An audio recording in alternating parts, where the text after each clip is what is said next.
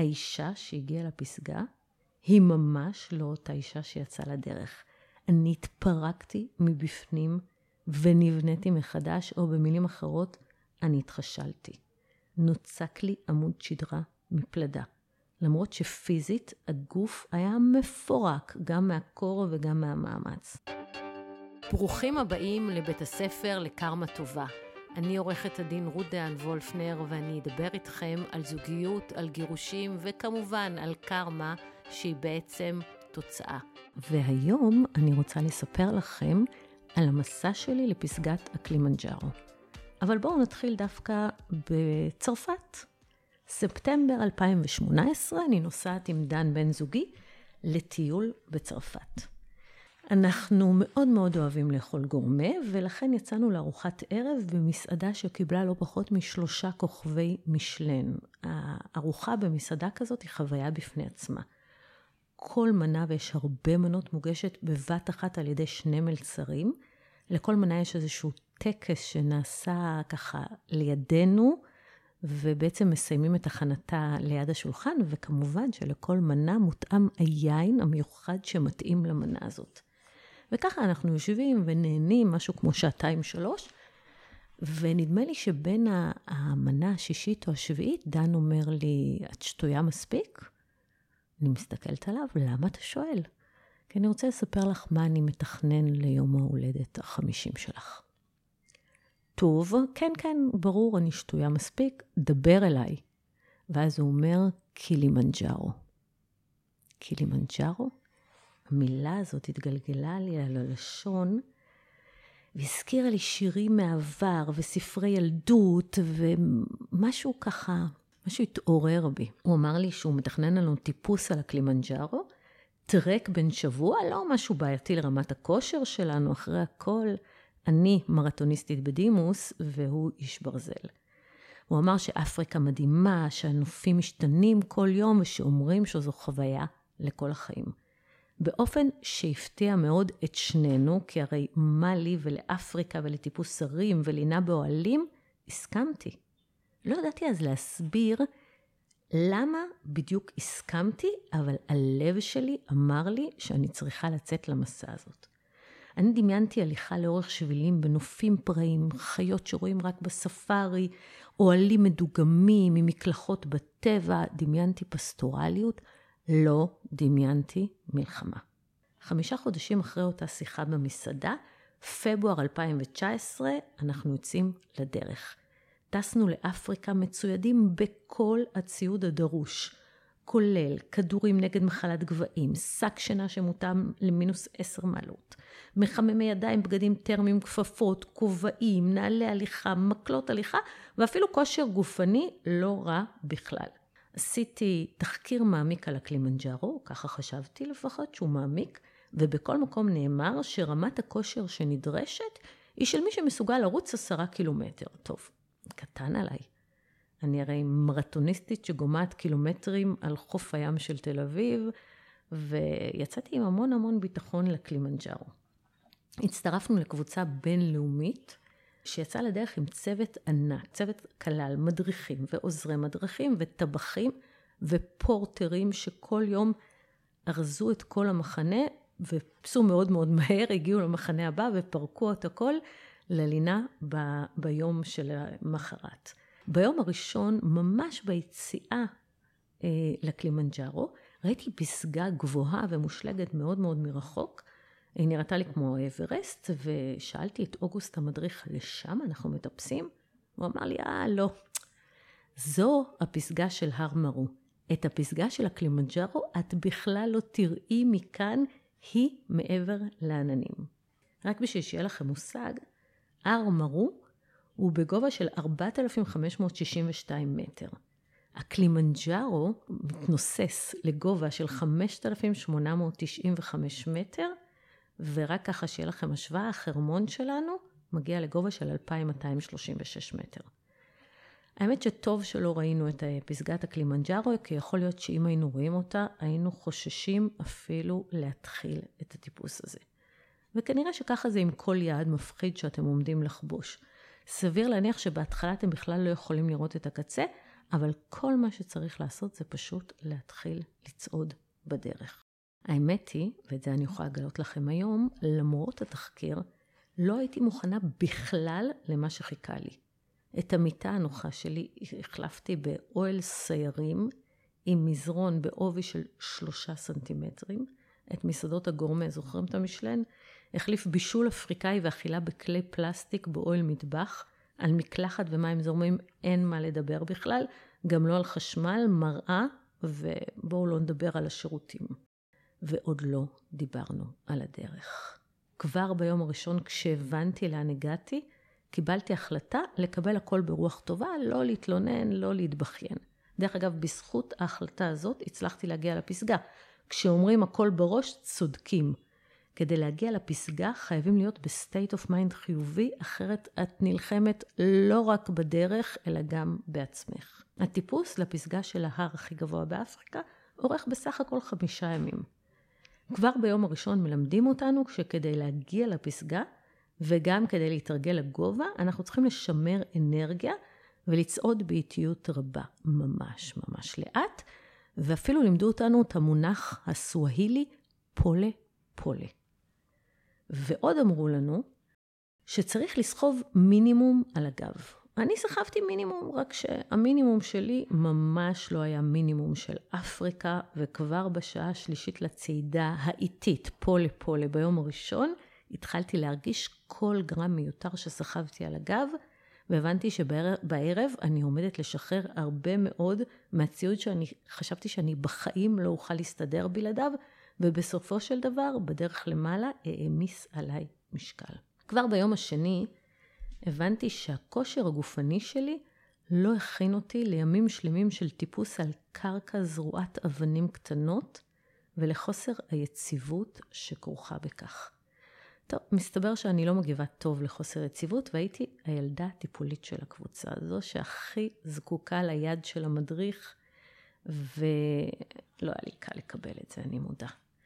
אני הבנתי שקלימנג'ארו זה לא צחוק, ועם כל הכבוד למרתוניסטית שאני, ריצה בגבעות של תל אביב, לעומת הקלימנג'ארו, זה כמו, בואו נגיד, מעולם הדימויים שלי, מריבת אוהבים קלה לעומת מלחמת גירושים.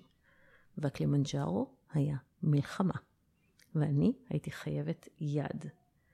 נזכרתי בכל אותם אנשי עסקים שאני מייצגת, שהיו בטוחים שבזכות הידע העסקי שלהם הם יכולים לצלוח ולנהל בעצמם את הליך הגירושים שלהם עד שהבינו שהם חייבים סיוע, וגירושים זה שפה אחרת לגמרי, גם הקלימנג'ארו היה שפה אחרת לגמרי, היה ארץ חדשה, ולקחתי את היד של המדריך בהכנעה, וככה הלכנו לאורך כל הדרך יד ביד. ביום השלישי הודיעו לנו שאנחנו עומדים לטפס את קיר ברנקו, והצביעו על איזושהי חומת אבן ניצבת שהייתה נראית לי בלתי עבירה לחלוטין. אמרו לנו, אוקיי, אתם צריכים לשים כפפות כי אתם הולכים לטפס עם הידיים, את מקלות ההליכה תקפלו ותשימו בתרמיל, וכדאי מאוד שתהיו מרוכזים וקשובים, לא שזה מסוכן, אבל אל תסטו מהדרך ותמיד תצעדו בדיוק איפה שצועד מי שלפניכם. הסתכלנו על קיר ברנקו, הוא נראה לנו מלחיץ רק מלהסתכל עליו. אבל כבר אמר, אמרתי לכם שהחלטתי לא להתלונן ולא להתבכיין, ולא הייתה לי ברירה אלא להסתער על קיר ברנקו ולהתחיל לטפס עליו כמו עיזים. כל פעם שנראה היה שהגענו לדד אנד ואין לאן להתקדם, אנחנו תלויים בין שמיים לארץ, מדריך מראה לנו, פה תשימו את הרגל. תמיד היה עוד צעד אחד שאפשר לעשות, ובעקבותיו נפתחה לנו כל הדרך. באיזשהו שלב דת מסתכל עליי, והוא אומר לי, תקשיבי, אם אנחנו עוברים את זה, אין משהו שאנחנו לא יכולים לעשות בחיים. אז עוד לא ידענו מה מחכה לנו בהמשך הדרך. והייתה גם אסטרטגיה לטיפוס. מסתבר שבשביל להתאקלם לגובה, כל יום עולים לגובה מסוים, שוהים בו כדי להתרגל, ויורדים למחנה לישון בגובה טיפה יותר נמוך. אחד הדברים הכי חשובים בדרך לפסגה הוא להסתגל לגובה, כי אם מטפסים מהר מדי ובקו ישר חוטפים מחלת גבהים, מתקשים לנשום ועפים למטה. הנוף בקלימנג'ארו משתנה מיום ליום. ביום הרביעי הנוף הפך להיות ממש סלעי, אבל הסלעים נראו כאילו הם נותקו מהירח. ההליכה הייתה ממש סוריאליסטית, כי הלכנו שיש לנו קרעי עננים לידינו. צעדתם פעם בין העננים? אתם רוצים לעשות את זה? תצאו לטפס את הקלימנג'ארו. באיזשהו שלב מולי עוברת אישה מקבוצה אחרת שראיתי עליה שהגובה עושה לה ממש רע. היא הייתה חיוורת, העיניים שלה התנפחו, וככה, כל הפרצוף שלה נראה קצת מפחיד. ואני הסתכלתי עליה ואמרתי, וואי, וואי, איזה מסכנה, אין סיכוי שזאתי מגיעה לפסגה. שעתיים אחר כך, המדריך, אה, בהפסקה שעצרנו לאכול משהו, המדריך מסתכל עליי ככה מקרוב ואומר לי, מה קרה לך בעיניים? שבוע לא הסתכלתי על עצמי במראה, ואמרתי לו, לי? מה קרה לי? הוצאתי את הטלפון הסלולרי, עשיתי סלפי רק בשביל לגלות איש פיל בלונדיני מול העיניים שלי. מסתבר שנשים בנות 50 לא מגיבות טוב לגובה, והאישה שריחמתי עליה הייתה במצב הרבה פחות גרוע מהפרצוף הנפוח שהתגלה לי בסלפי שעשיתי. טוב, זה היה השיעור שלי בצניעות, אבל עדיין אף מילה של תלונה. ביום החמישי מתחילים להכין אותנו נפשית לליל הפסגה שנקרא summit night. הלילה הזה אמור להיות שיא השיאים של החוויה. אז קודם כל תדעו שלא כולם מגיעים לפסגה.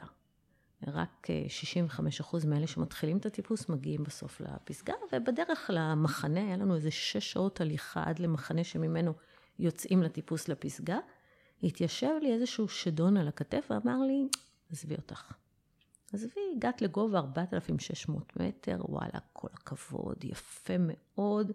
תחכי במחנה, אל תהרגי את עצמך כדי להגיע לפסגה. את תלכי לישון, כולם יטפסו, בבוקר תפגשי אותם. וככה במשך שעות. השדון יושב לי על הכתף ומדבר עליי בקול של אימא שלי, בקול של חנה, דודה שלי, ומשכנע אותי לוותר. ואני הסכמתי איתו, ויתרתי. ואז, בערך שעה לפני שהגענו למחנה, נזכרתי במילים שכתב לי לקוח שלי, רות דייני סמוראית. נזכרתי שהקדישו לי את השיר לוחמת, במיוחד את השורה יש לך כוח של צבא שלם, וגם במשפט המשרדי סכין בין השיניים שאומר שבעצם אנחנו לא מוותרים לעולם. ניערתי את השדון מהכתף ואמרתי לעצמי, ברור שאת יכולה.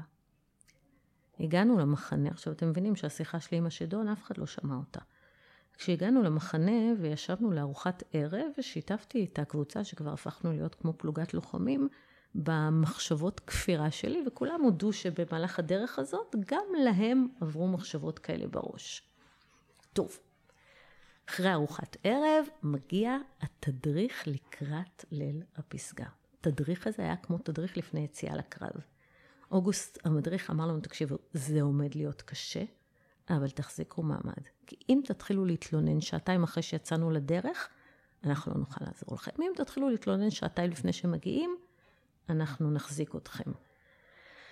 והוא במיוחד הדגיש כמה ה-state of mind שלנו חשוב כדי לצלוח את הלילה הזה. הוא הסביר לנו מה ללבוש, הוא אמר, תקשיבו, אנחנו לא מגזימים. והסביר מה לקחת אותנו ושלח, מה לקחת איתנו ושלח אותנו לנוח שעתיים. הבנו שהוא לא מגזים, כבר למדנו את הלקח הזה, אז לבשנו איזה שבע שכבות בגדים, פנסי ראש, מקלות הליכה, תרמיל עם קצת אוכל ומים על הגב, ואז יצאנו לדרך. אה, זוכרים שאמרתי לכם שאני ילדה טיפולית של הכיתה ואני הייתי מאותגרת טיפוס? אז המדריך אחז בידי לאורך כל הלילה הזאת. וככה טיפסנו במשך שמונה שעות על סלעי ענק, כמעט ניצבים, בחושך מוחלט, צעד צעד פולה פולה ובדממה מוחלטת. מזג האוויר, ככל שאנחנו מטפסים, מתחיל לקפוא ומגיע למינוס 18 מעלות. לפני כמה זמן ראיתי שזו הטמפרטורה בפריזר, במקפיא שלי בבית. המים קופאים, השפתיים מדממים, העיניים התנפחו עוד יותר מאיש הפיל שכבר ראיתי, והראש היה עסוק רק בלשרוד. גייסתי כל כוח מנטלי אפשרי. דיברתי לעצמי, שרתי, דמיינתי תמונה מנצחת, דמיינתי את הילדים שלי מחכים לי בפסגת הקלימנג'ארו. ראיתי את עצמי עוברת את הקילומטרים האחרונים של ריצת מרתון שעוברים אותם בעיקר עם הראש, נזכרתי בכוחות שהייתי צריכה בשביל ללכת על גחלים. גייסתי כל משאב נפשי שהיה לי כדי לשכנע את עצמי שאני חזקה. מסביב היה שקט מוחלט, דממה. כל אחד מאיתנו בקבוצה נלחם בשדים של עצמו וניצח אותם. כשהגענו לסטלה פוינט בגובה 5,765 מטר, בבת אחת החושך נבקע ופס של אור כתום האיר את השמיים וגילה לנו קרחוני ענק שנצבעו באלף גוונים של כתום במראה שנראה כמו בריאת העולם. העיניים שלי התמלאו בדמעות, גם מהשיר שבדיוק התנגן לי בראש וגם מהיופי של מה שראיתי. זה מראה עוצר נשימה שרואים פעם בחיים, ווואלה, היה שווה לעשות בשבילו את הדרך הזאת. משם הלכנו עוד איזה שעה צעד צעד פה לפה עד שהגענו לפסגה. האישה שהגיעה לפסגה היא ממש לא אותה אישה שיצאה לדרך. אני התפרקתי מבפנים ונבניתי מחדש, או במילים אחרות, אני התחשלתי. נוצק לי עמוד שדרה מפלדה. למרות שפיזית הגוף היה מפורק, גם מהקור וגם מהמאמץ. אבל אה, אתם יודעים, אם הייתי עכשיו כוכבת הוליוודית, בשלב הזה, כשאני בפסגה של הקלימנג'ארו, היה מגיע מסוק עם שלט ענק מזל טוב, נוחת, אוסף אותי ומוריד אותי למטה. אבל חוץ מהשלט אה, בפסגה שאמר מזל טוב, הגעת לפסגת הקלימנג'ארו, שום דבר לא היה דומה להוליווד, איפה שהיינו, וההגעה לפסגה הייתה רק חצי מהדרך. נדרשנו לרדת את כל הדרך חזרה, וזה היה לא פחות קשה ומתיש. הלכנו עוד עשר שעות עד המחנה האחרון, והיום הארוך הזה בא לסיומו בשש בערב למחרת, כשהגענו בדמעות למחנה ירוק בפאתי הקלימנג'ארו. ועדיין לא התלוננתי אפילו פעם אחת, נשבעת לכם. חזרתי מהקלימנג'ארו מחושלת. כבר יום למחרת שנחתנו בארץ, הגעתי למשרד, כמה ימים אחר כך היה לי דיון בבג"ץ את מתרגשת? הם שאלו אותי במשרד, ואני הייתי רגועה לחלוטין. אמרתי להם, טוב, תקשיבו, אני טיפסתי על הקלימנג'ארו, קטן עליי לטעון בבג"ץ. אז עוד לא ידעתי שהקלימנג'ארו חישל אותי לקראת המשבר הכי גדול של חיי. בדיוק חודש וחצי אחרי שחזרנו מהקלימנג'ארו, ב-30 לשלישי 2019, ניב, הגרוש שלי ואבי ילדיי, הלך לעולמו באופן טרגי. היינו גרושים 13 שנים, נשארנו חברים מאוד מאוד טובים, ממש כמו בני משפחה. באיזשהו שלב אני הרגשתי שאנחנו כמו אחים. הוא היה בן 54, ספורטאי, בריא, שרירי, רזה, מאמן של אנשי ברזל ואיש ברזל בעצמו. הוא קיבל דום לב תוך כדי אימון רכיבה בשבת בבוקר והלך לעולמו. חודש לפני שהוא היה עתיד להינשא לבת זוגו, שהייתה אז בראשית הריונה. זוכרים את האישה שהגיעה לפסגה? זאתי שנוצק לה עמוד שדרה מברזל, מפלדה. היא הייתה שמה כדי לתמוך בשני הילדים שלי שהיו אז בני 22 ו-18 והתייתמו ברגע, וגם כדי לעבור בעצמי את המשבר הזה. נזקקתי לכל טיפת חוסן אישי שבניתי בקלימנג'ארו, והבנתי, רק אז הבנתי, למה הלב שלי אמר לי לצאת למסע הזה. דווקא שם, במסע הזה אל ארץ בראשית ללא חשמל ומים זורמים, בחיבור המטורף שהיה לי לאיתני הטבע וגם לעצמי, דווקא שם, כשכבשתי את הפסגה, מצאתי את הדרך ואת הנוסחה להתמודד עם כל משבר וגם להשיג כל יעד ומטרה. הדרך הזאת לפסגה של הקלימנג'ארו היא נחקקה בי. היא חצבה לי את הנשמה והתירה לי כזה חותם, ומאז שחזרתי משם, למדתי לראות כל מטרה או יעד כפסגה שאני עומדת לכבוש, ואת החיים שלי בכלל כטיפוס מתמיד כלפי מעלה. עכשיו, אל תטעו ותחשבו שמדובר באיזושהי התנהלות סיזיפית שאני דוגלת במאמץ בלתי פוסק. הפוך. אני מאמינה שחיים ללא חוויות וללא הנאה הם חיים פשוט חסרי טעם. אלא שהסיפור הפנימי שאני מצויה בדרך לפסגה, משרת אותי הרבה יותר טוב מהמחשבה שאולי כבר הגעתי למעלה ואני עכשיו בדרך למטה. ולכן כל פעם כשאני בדרך להשיג איזושהי מטרה או לבצע איזשהו פרויקט שלקחתי על עצמי, אני נזכרת בשיעורים שלמדתי בדרך לפסגת הקלימנג'ארו, ובואו אני אסכם לכם את המסע שלי. למדתי שאת הדרך למעלה צריך לעשות לאט לאט. צעד צעד, baby steps הם קראו לזה, או בסווהילית pole pole. הצעדים הקטנים האלה, הם משמרים לנו אנרגיה לאורך זמן, בעוד שאם נרוץ מהר מדי, אנחנו עלולים לחזור אחורה ולחטוף מחלת גבהים. כל מטרה שלכם תושג בקצב שלה, ותזכרו שאם תאיצו את הקצב ותהיו חסרי סבלנות, סבלנות, אתם יכולים לפספס את המטרה.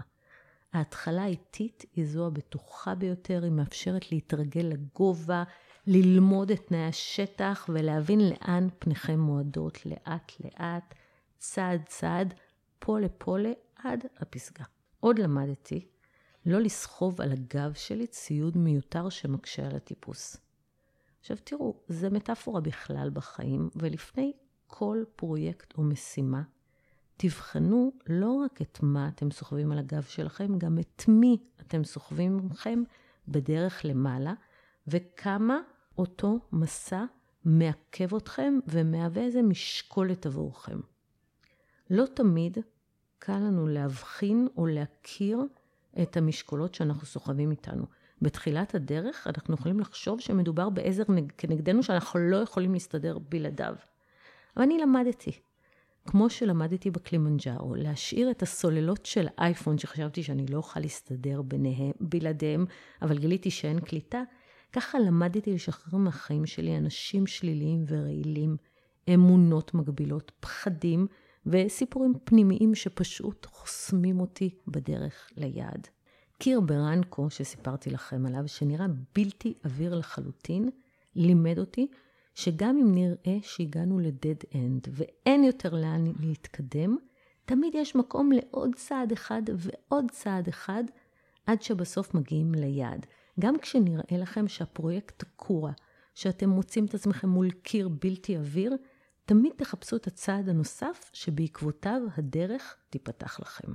השיעור הנוסף שהקלימנג'ארו לימד אותי, הוא שאין כמו יד חסונה של מומחה בתחומו כדי לסייע בטיפוס.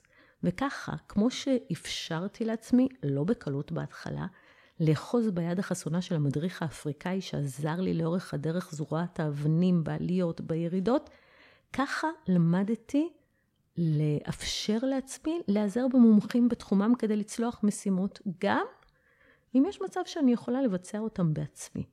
הרי ברור שיכולתי לטפס וללכת גם בלי היד של המדריך. אבל בטח הייתי עושה את זה לאט יותר, ברגל פחות מבוטחת ובדרך יותר ארוכה.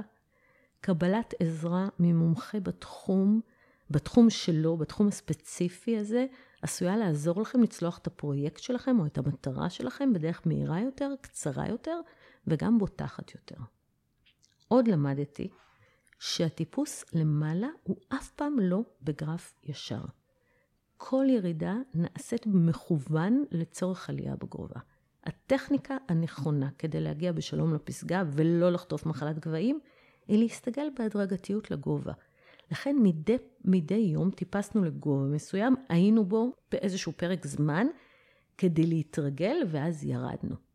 ומאז כל פעם שאני חווה איזושהי ירידה, אני בוחרת לא להתייחס אליה כאל ירידה, אלא רק כסימן לטיפוס. ירידה לצורך הסתגלות בגובה. ירידה מבחינתי היא לא סימן לאיזושהי הידרדרות, לאיזושהי קטסטרופה או לנפילה. למדתי להבין שהחיים הם לא קו ישר, וגם הדרך להצלחה היא אף פעם לא קו ישר. היא תמיד תהיה בנויה מעליות וירידות, במטרה להסתגל לגובה. וכשזה הסיפור הפנימי שאני מספרת לעצמי, שהדרך להשיג את המטרה היא אף פעם לא בגרף ישר ועולה, אני בהכרח הופכת את אותה ירידה לתחנת הסתגלות לגובה, ורואה בה רק ירידה לצורך עלייה. ולבסוף למדתי להקשיב ללב שלי שאמר לי לצאת להרפתקה הזאת, בלי שיכולתי אפילו לומר למה. וכמו שסטיב ג'ובס אמר, זמנכם קצוב. אל תבזבזו אותו בלחיות חיים של מישהו אחר. אל תניחו לרעש של דעות האחרים להשתיק את הקול הפנימי שלכם, והכי חשוב, שיהיה לכם אומץ ללכת בעקבות הלב והאינטואיציה שלכם. הם איכשהו כבר יודעים מה אתם באמת רוצים להיות. כל השאר משני. זהו להיום. אם נהניתם, אני אשמח אם תדרגו אותנו באפליקציות שאתם מאזינים בהן. אתם מוזמנים להצטרף לבית ספר לקרמה טובה, שזו קבוצת uh, הפייסבוק שלי, שבה אנחנו נדון בתכנים שעולים בפודקאסט הזה, ואני גם אצרף לכם תמונות מהקלימנג'ארו וגם סרטוני וידאו בשביל שתבינו על מה דיברתי עד עכשיו. וזהו, נשתמע בפרק הבא. תודה.